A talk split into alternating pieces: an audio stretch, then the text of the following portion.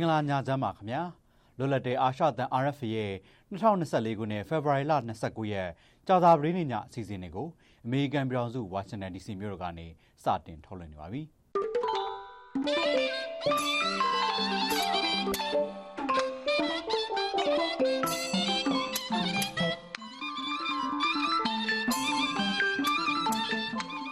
ကျွန်တော်ကရဲကောင်မြင်ပါမှာ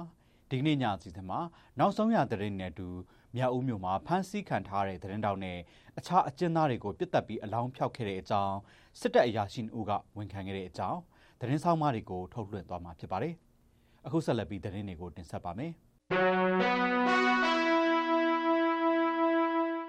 ရခိုင်ပြည်နယ်စစ်တွေမြို့မှာဖေဖော်ဝါရီလ29ရက်ဒီကနေ့မနက်ပိုင်းကစစ်ကောင်စီတပ်ကနေပစ်ခတ်လိုက်တဲ့လက်နက်ကြီးကြီးလူစီကားရမြို့မဈေးကြီးအနီးမှာကြားရောက်ပောက်ကွဲခဲ့တာကြောင့် အရက်သား12ဦးသေဆုံးပြီးနောက်ထပ်18ဦးပြင်းပြင်းထန်ထန်ဒဏ်ရာတွေရရှိခဲ့တယ်လို့ကုညီကယ်ဆယ်ရေးလုပ်ပေးနေသူတွေကပြောပါတယ်စစ်တွေမျိုးရှုခင်းသာလန်ပွိုင်အနီးမှာရှိတဲ့စစ်ကောင်စီတပ်ရင်းကနေတိုက်ပွဲပြင်းထန်နေတဲ့ပုံနှစွန်းမျိုးကိုလက်နက်ကြီးနဲ့ပစ်ခတ်ခဲ့ရမှာလက်နက်ကြီးကြီးတစ်လုံးကစစ်တွေမျိုးမြို့မဈေးကြီးအနီးကလူစီကားရာပြန်ကျစီပေါ်ကြာရောက်ပောက်ကွဲခဲ့တာကြောင့်အခုလိုတိတ်ဆုံးဒဏ်ရာရသူများပြားခဲ့တာလို့ဒေသခံတွေကပြောပါတယ် ဒီကိစ္စနဲ့ပတ်သက်ပြီးရခိုင်ပြည်နယ်စစ်ကောင်စီပြောခွင့်ရပြည်နယ်ဥပဒေချုပ်ဦးလှသိန်းကို RFA ကဒီကနေ့တယ်လီဖုန်းနဲ့ဆက်သွယ်ခဲ့ပေမဲ့ဖုန်းမကင်ပါဘူးကချင်ပြည်နယ်ဖားကန့်မြို့နယ်တာမခန်ကျေးရွာကစစ်ကောင်စီတပ်စခန်းမှာနှစ်ဖက်တိုက်ပွဲတွေပြင်းထန်နေပြီးဒေသခံတထောင်လောက်လည်းဘေးလွတ်ရွာကိုထွက်ပြေးတိမ်းရှောင်နေကြရတယ်လို့ဒေသခံတွေက RFA ကိုဒီကနေ့ပြောပါတယ်။တာမခန်ကျေးရွာမှာအခြေစိုက်တဲ့စစ်ကောင်စီခမာယ119နဲ့ တာမခန်နယ်မြေရဲစခန်းကိုကချင်လွတ်မြောက်ရေးတပ်မတော် KIA PDF ပူးပေါင်းတပ်တွေကဖေဖော်ဝါရီလ26ရက်နေ့ညကရဲစခန်းကိုသိမ်းပိုက်ခဲ့ပြီးတဲ့နောက်တပ်စခန်းကိုဆက်လက်ပြီးထိုးစစ်ဆင်တိုက်ခိုက်နေတာဖြစ်ပါတယ်။အခုလက်ရှိချိန်ထိနှစ်ဖက်တိုက်ပွဲတွေပြင်းထန်နေဆဲဖြစ်ပြီးစစ်ကောင်စီတပ်ဖက်ကလည်းမနေ့ညကလေကြောင်းကနေအုံပြုပြီးဘုံလုံးရီ100လောက်ပြန်လည်ကျဲချပြီးတိုက်ခိုက်ခဲ့တယ်လို့ KPDF ရဲဘော်တူက RFA ကိုပြောပါတယ်။အမြင့်ဖော်လို့သူ KIA သတင်းရင်းမြစ်တစ်ခုကတော့ အခုတာမခန်တိုက်ပွဲအတွက်မှာအလင်းဝင်လာတဲ့သူနဲ့ဖမ်းဆီးရမိတဲ့စစ်ကောင်စီရဲ22ယောက်လည်းရှိနေတယ်လို့ပြောပါတယ် ရှမ်းပြည်နယ်တောင်ပိုင်းစီဆိုင်မြို့နယ်နားခိုက်ရွာကိုဖေဖော်ဝါရီလ28ရက်နေ့မှာစစ်ကောင်စီရဲ့လေကြောင်းတိုက်ခိုက်မှုကြောင့်ဒေသခံတအူသေဆုံးခဲ့တယ်လို့ပအုပ်အမျိုးသားလွတ်မြောက်ရေးတပ်မတော် PNL ကဖေဖော်ဝါရီလ29ရက်နေ့မှာထုတ်ပြန်ပါတယ်။နားခိုက်ရွာကိုဖေဖော်ဝါရီလ28ရက်နေ့မှာစစ်ကောင်စီတပ်ကလေကြောင်းတိုက်ခိုက်မှု၈ကြိမ်ပြုလုပ်ခဲ့ပြီးအသက်63နှစ်အရွယ်ဖျားခွန်ဆိုတဲ့ဒေသခံအမျိုးသားတူသေဆုံးခဲ့ရတာလို့ PNL ကဖော်ပြပါတယ်။ လေကြောင်းတိုက်ခိုက်မှုကြောင့်နေအိမ်လေးလုံးနဲ့စာတင်ကျောင်းတစ်ခုလည်းထိခိုက်ပျက်စီးခဲ့ရတယ်လို့ PNL ကဆိုပါတယ်။ဒီအခြေအနေတွေနဲ့ပတ်သက်လို့စစ်ကောင်စီရဲ့ရှမ်းပြည်နယ်ပြောခွင့်ရစီးပွားရေးဝန်ကြီးဦးခွန်သိမ်းမောင်ကို RFA ကတယ်လီဖုန်းနဲ့ဆက်သွယ်ခဲ့ပေမဲ့ဖုန်းဆက်ပိတ်ထားပါတယ်။မကွေးတိုင်းမင်းဘူးခရိုင်စလင်းမြို့နယ်ကျူဝန်းကြီးကျေးရွာနေမှာဖေဖော်ဝါရီလ29ရက်ဒီကနေ့နေ့လယ်7:45မိနစ်ဝန်းကျင်လောက်ကစစ်ကောင်စီရဲ့ဂျက်တိုက်လေယာဉ်တစ်စင်းပြတ်ကျခဲ့တယ်လို့ဒေသခံတွေက RFA ကိုပြောပါတယ်။ အဲ့ဒီဂျက်တိုက်လေယာဉ်ဟာလေ့ကျင့်ပြန်တန်းနေရင်ဆက်ချုပ်ယွင်းပြီးပြတ်ကျခဲ့တာလို့ပြောပါတယ်။လေယာဉ်မှုနှုတ်ကတော့လေဒီနဲ့ခုံထွက်ပြီးလွတ်မြောက်သွားခဲ့ပြီးစစ်ကောင်စီကနေရဟတ်ရင်နဲ့လာရောက်ခေါ်ဆောင်သွားခဲ့တယ်လို့မင်းမှုခရိုင်ပကဖသတင်းပြန်ကြားရေးတာဝန်ခံကိုအညာသားကပြောပါတယ်။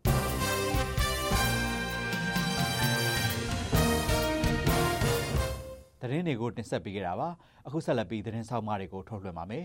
ရခိုင်ပြည်နယ်မြောက်ဦးမြို့အခြေဆိုင်ခမရ308တပ်ရင်းမှာဖမ်းဆီးခံထားတဲ့သတင်းတောက်ဖိုးတီဟာခေါ်ကိုမြတ်သူထွန်းအပါဝင်အကျဉ်းသား9ဦးကိုအချုပ်ခန်းထဲကနေခေါ်ထုတ်ပြီးပြစ်တက်ပြီးအလောင်းဖျောက်ဖျက်ခဲ့တဲ့အကြောင်းစစ်တပ်အရာရှိ2ဦးကဝန်ခံထားတဲ့ဗီဒီယိုဖိုင်ကိုဖေဖော်ဝါရီလ29ရက်ဒီကနေ့မှာရခိုင်တပ်တော် AA ကနေထုတ်ပြန်လိုက်ပါတယ်ဒီအကြောင်းသတင်းအပြည့်စုံကိုမတ်ထထအင်ဒရာအောင်ကတင်ပြထားပါတယ်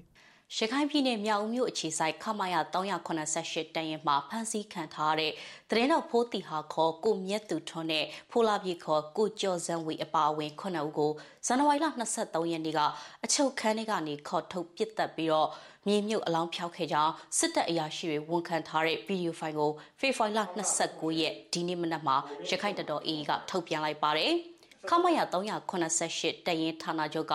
တက်ခွဲမှုပုံမှုတိမ့်ထိုက်ဆိုဒဏ်ရာရချိန်မှာသူတို့ကိုတက်ဖြတ်ဖို့အမိန့်ပေးလာတာဖြစ်ပြီးတော့စေကန်တွေကဘုံခိုခြင်းမှာပြစ်တက်မြင့်မြုပ်ခဲ့တာလို့ရခိုင်တတော်အေးဖန်စီထားတဲ့ဗိုလ်ကြီးအာကာမြင့်ကထုတ်ဖော်ပြောဆိုပါတယ်။ဘုံမှုတိမ့်ထိုက်ဆိုတာဒဏ်ရာရရှိပြီးတော့မှခမရ389ဆေးကမ်းမှာစေကူတာမှုခံယူနေတဲ့အချိန်မှာဒုတိယတန်းအောင်နဲ့ဒီခုသူမောင်မောင်စီကနေတဆင့်ကျွန်တော်စီကိုအမိန့်တစ်ခုရောက်ခဲ့ရောက်ရှိရောက်ရှိလာခဲ့ပါတယ် အဲ့ဒီမရတော့ခရိုင်ရဲတပ်ဖွဲ့ရုံးကနေပြီးတော့ခမရ388မှာတောင်းရွှေချုံလောင်ထားတဲ့ဖိုးလာပြည့်ပါဝင်အချုပ်သား9ဦးကိုတပ်ပစ်လိုက်ပါဆိုတဲ့အမိန့်ပဲဖြစ်ပါတယ်ပြီးတော့ねဒုတိယတန်းအောင်ဘယ်နေရာမှာဆောင်ရွက်မလဲမေးတဲ့အချိန်မှာတော့ဒုတိယတန်းအောင်ကဈေးကန်းအုံအောက်မှာမိသားစုတွေတူထားတဲ့ဘုံခိုခြင်းတွေရှိတယ်အဲ့ဒီနေရာမှာပဲဆောင်ရွက်လိုက်မယ်ဆိုပြီးတော့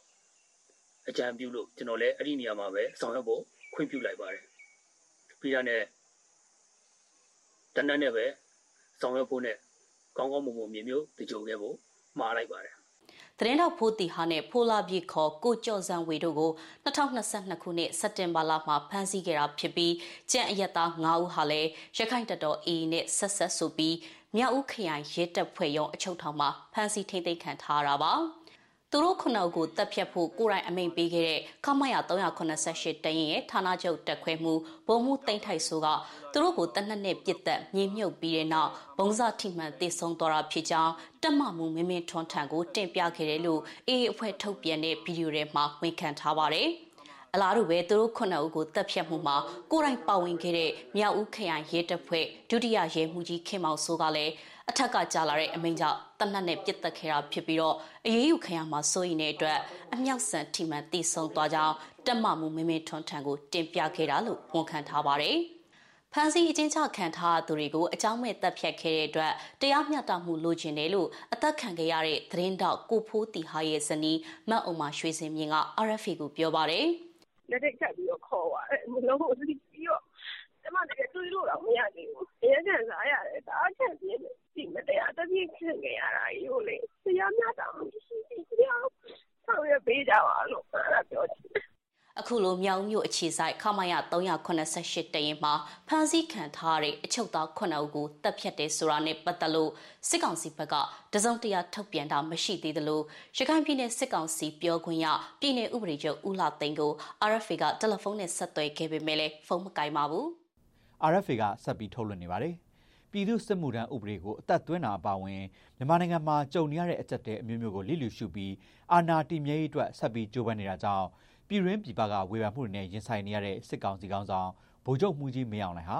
ရုရှားဒုနိုင်ငံသားရေးဝန်ကြီးနဲ့တရုတ်နိုင်ငံယူနန်ပြည်နယ်အုပ်ချုပ်ရေးမှူးတို့နဲ့ဖေဖော်ဝါရီလ20ရက်နေ့မှာတွေ့ဆုံခဲ့ပါတယ်။ဒီလိုတွေ့ဆုံခဲ့တာဟာစစ်ကောင်စီအတွက်တရုတ်နဲ့ရုရှားဟာမဟာမိတ်တွေအဖြစ်ဆက်ပြီးရှိနေတယ်ဆိုတာကိုပြသလိုက်တာလို့နိုင်ငံရေးအကဲခတ်တွေကသုံးသပ်ကြပါတယ်။ ဒီအကြောင်းကိုမက်ဂျူလိုင်မျိုးကတင်ပြထားပါတယ်။ပြည်သူစစ်မှုထမ်းဥပဒေကိုအသက်သွင်းပြီးတော့စစ်ကောင်စီအာဏာတည်မြဲရေးကြိုးပမ်းတဲ့အပေါ်ကန့်ကွက်ရှုတ်ချခံနေရချိန်မှာ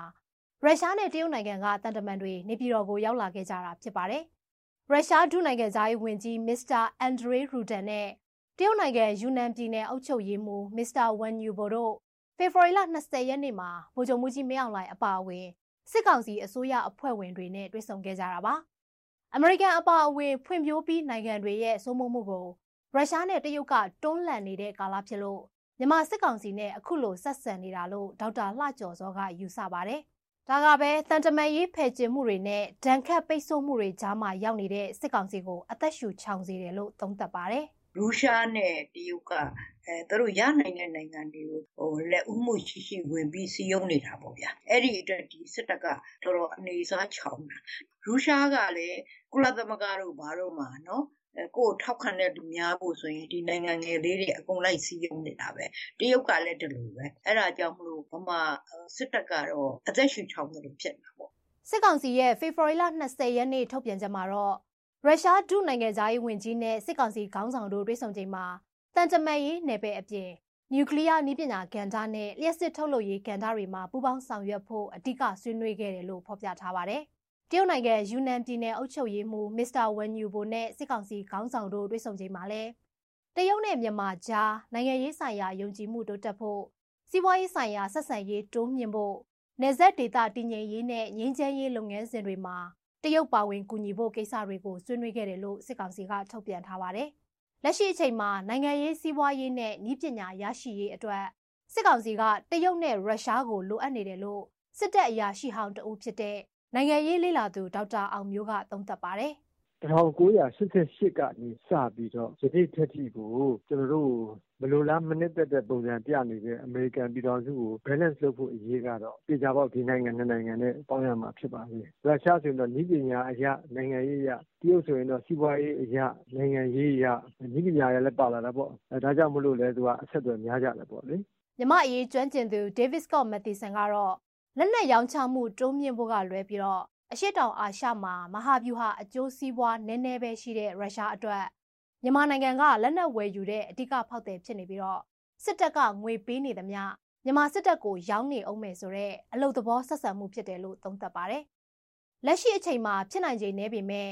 တရုတ်အနေနဲ့အာဏာရှင်ကိုစန့်ကျင်ခုခံနေသူတွေဘက်ကိုပုံအောပြီးတော့ထောက်ခံလိုက်မယ်ဆိုရင်တော့ဒါဟာအဆုံးအဖြတ်ကာလဖြစ်သွားလိမ့်မယ်လို့ David Scott Matheson ကသုံးသပ်ပါတယ်ရှင်။ RFA ကနေဆက်လက်ထုတ်လွှင့်နေပါတယ်။ချင်းပြည်နယ်မှာစစ်ကောင်စီတပ်နဲ့ချင်းကာကွယ်တပ်တွေကြားတိုက်ပွဲတွေပိုပြီးပြင်းထန်လာတဲ့အမျှဒေသခံတွေဟာမြေမြုပ်မိုင်းအန်ရီတွေနဲ့ပိုပြီးရင်ဆိုင်လာနေရပါတယ်။ဒီအကြောင်းကို RFA ဝိုင်းတော်သားကိုနေရင်ကျော်ကတင်ပြပါမယ်။စစ်တပ်အာဏာမသိမ်းခင်ကတောင်စလပန်းနီနီတွေနဲ့ငြိမ်းချမ်းခဲ့တဲ့ချင်းလူမျိုးတို့ရဲ့ဌာနေဟာအခုတော့စစ်မီးတောက်တွေကြားမျိုးတွေပျောက်ဆုံးခဲ့ရသလို မြေမြုပ်မိုင်းတွေရဲ့အန်ရီလည်းများနေရပါပြီ။တီးတိမ်မြို့နယ်တိုင်းငင်းရွာကစစ်ကောင်စီတပ်စခန်းကိုချင်းဒေသကာကွယ်ရေးပူးပေါင်းတပ်တွေကဇန်နဝါရီလ16ရက်နေ့မှာသိမ်းပိုက်နိုင်ခဲ့ပေမဲ့ဆုတ်ခွာသွားတဲ့စစ်ကောင်စီတပ်သားတွေကမြေမြုံမိုင်းတွေထောင်ခဲ့တဲ့အတွက်ဒေသခံတွေအန္တရာယ်ကြီးနေတယ်လို့ဆိုပါတယ်။အဲ့ဒီတိုင်းငင်းရွာနာကမြေမြုံမိုင်းတွေကစီရင်ချင်းကာကွယ်တပ်ဖွဲ့ဝင်2ယောက်ရဲ့ခြေထောက်တစ်ဖက်စီကိုထိခိုက်သွားစေခဲ့ပါပြီ။ ရဆောင်စေခမ်ဒုံဆောင်စေဟဲစဘမခိုရှိဆောင်ကြီးကြောင့်မတောင်ပေါ်ဆိုတော့အေးတဲ့အခါနာတာပေါ့ခြေထောက်ကရေချိုးတဲ့အခါတုံခါတာမျိုးတစ်ခါတလေဖြစ်တယ်အေးတဲ့အခါအေးဒဏ်မခံနိုင်တော့ဘူးဆရာဝန်ကဖြတ်ထားတဲ့တစ်ဖက်ကိုအမြဲဖုံးထားဖို့ပြောတယ်အဲ့ဒီလိုပတ်တီးနဲ့ဖုံးထားရင်ပတ်တီးပြန်ဖြီတဲ့အခါတအားရတယ်အိမ်နာသွားတဲ့အခါမှာဂျိုင်းတောင်းနဲ့သွားလို့ရပေမဲ့အခက်အခဲရှိတယ်အဲ့ဒီမိုင်းတွေကိုစီရင်ချင်းဒေတာကာကွယ်ရေးအဖွဲ့ကရှင်းလင်းနေပြီမဲ့ အကုန်လုံးမရှင်းနိုင်သေးဘူးလို့အဖွဲ့ရဲ့စစ်ဦးစီးချုပ်ကိုထောင်ပူက RFA ကိုပြောပါတယ်စခန်းပတ်ပတ်လဲမှာသူတို့ထုံထားတဲ့မိုင်းတွေမနေဘူးနေမိုင်းရှင်အကြီးတွေကျွန်တော်အခုဖြုတ်ရဟာဆိုရင်အလုံး20ကျော်လောက်ရှိပြီကျွန်တော်ရှင်မိုင်းတင်တတ်တော့မတည့်ရဘူးဒါပေမဲ့ကျွန်တော်ကဟာဘယ်လိုပြောမလဲရှိတိုင်းမှာဦးဆောင်နေရတာဆိုတော့ အဲ့ဒီမိုင်းတွေတွေ့ရင်ဘယ်လိုလုပ်ရမလဲဆိုတာ live ပေါ်မှာ share ပြီးမှအဲ့ဒါကိုကြည့်ပြီးမှအဲ့တိုင်းပဲကျွန်တော်ကမိုက်တင်တတ်မတက်ဘူးဇန်နဝါရီလ26ရက်နေ့ကဆိုရင်အဲ့ဒီစခန်းသားမှာနနောက်သွားရှာတဲ့အသက်40ကျော်အရွယ်အမျိုးသားတယောက်မိုင်းနေမိပြီးညာဘက်ခြေတော့ဖြတ်လိုက်ရတယ်လို့ဒေသခံတွေကပြောပါတယ်စစ်တပ်အာဏာသိမ်းခဲ့တဲ့၃နှစ်အတွင်းချင်းပြည်နယ်မှာမြေမြုံမိုင်းနေမိလို့တေဆုံးရတဲ့ချင်းလူမျိုး33ယောက်နဲ့ဒဏ်ရာရတဲ့သူ52ယောက်ရှိတယ်လို့ ချင်းလူခွေအဖွဲ့ရဲ့စီမံအရာရှိစလိုင်းမန်အယဲလင်ကပြောပါတယ်စီရင်ချင်းဒေတာအဖွဲ့ကအရသားတွေကိုကာကွယ်နိုင်အောင်မိုင်းရှင်းနည်းကိုအင်တာနက်မှာရှာပြီးလေ့လာပေမဲ့ကျွမ်းကျန်းကျင်ကျင်မရှိသေးပါဘူး။မိုင်းအန်ဒီရဲ့အသိပညာပေးတွေကိုပြည်သူတွေကြားဖြန့်ပေးစေခြင်းတယ်လို့ချင်းလူခွင့်ရေးအဖွဲ့စီမံအရာရှိစလိုင်းမန်ဟေယလန်ကပြောပါတယ်ခင်ဗျာ။စစ်ကောင်စီနဲ့အခုမိုင်းသုံးတာမိုင်းမိုင်းမြင်းဖြုံမိုင်းတွေသုံးတာကိုကျွန်တော်ကြည့်တဲ့အခါမှာသူတို့အာ ဘာလဲစီကြီးစီကြီးတခုတည်းနဲ့မဟုတ်ဘဲနဲ့ဒီလိုအယတန်အယတလူထူတွားတွားလာထောက်ချတဲ့နေရာမှာမိုင်းအများကြီးထောင်ထားတော့ကျွန်တော်တွေ့ရတယ်။အနာတီမှာပဲတက်ဖို့ဖြစ်လာတဲ့ခါမှာချင်းပီနေပြီးသူတို့ထူးထူးကြမှာမြေမြုပ်မိုင်းဆိုင်ရာအသိပညာပေးမှုရဲ့ပြီးတော့သူတို့ရဲ့ဘာလဲဆောင်းဆောင်းဆောင်းရဆောင်းရဆောင်းရပြေပေါ်လေဆိုဒီဟာမျိုးကိုကျွန်တော်အများကြီးအာအာဘာလဲကျွန်တော်ဆောင်ရွက်ဖို့လိုပဲ RFA ရဲ့ညပိုင်းစီစဉ်တွေကိုဒီမှာပဲရန်နာပါရစေကြည့်ရှုနားဆင်တဲ့အတွက်ကျေးဇူးတင်ပါတယ်အားလုံးဘေးရန်ရကင်းဝေးကြပါစေခင်ဗျာ။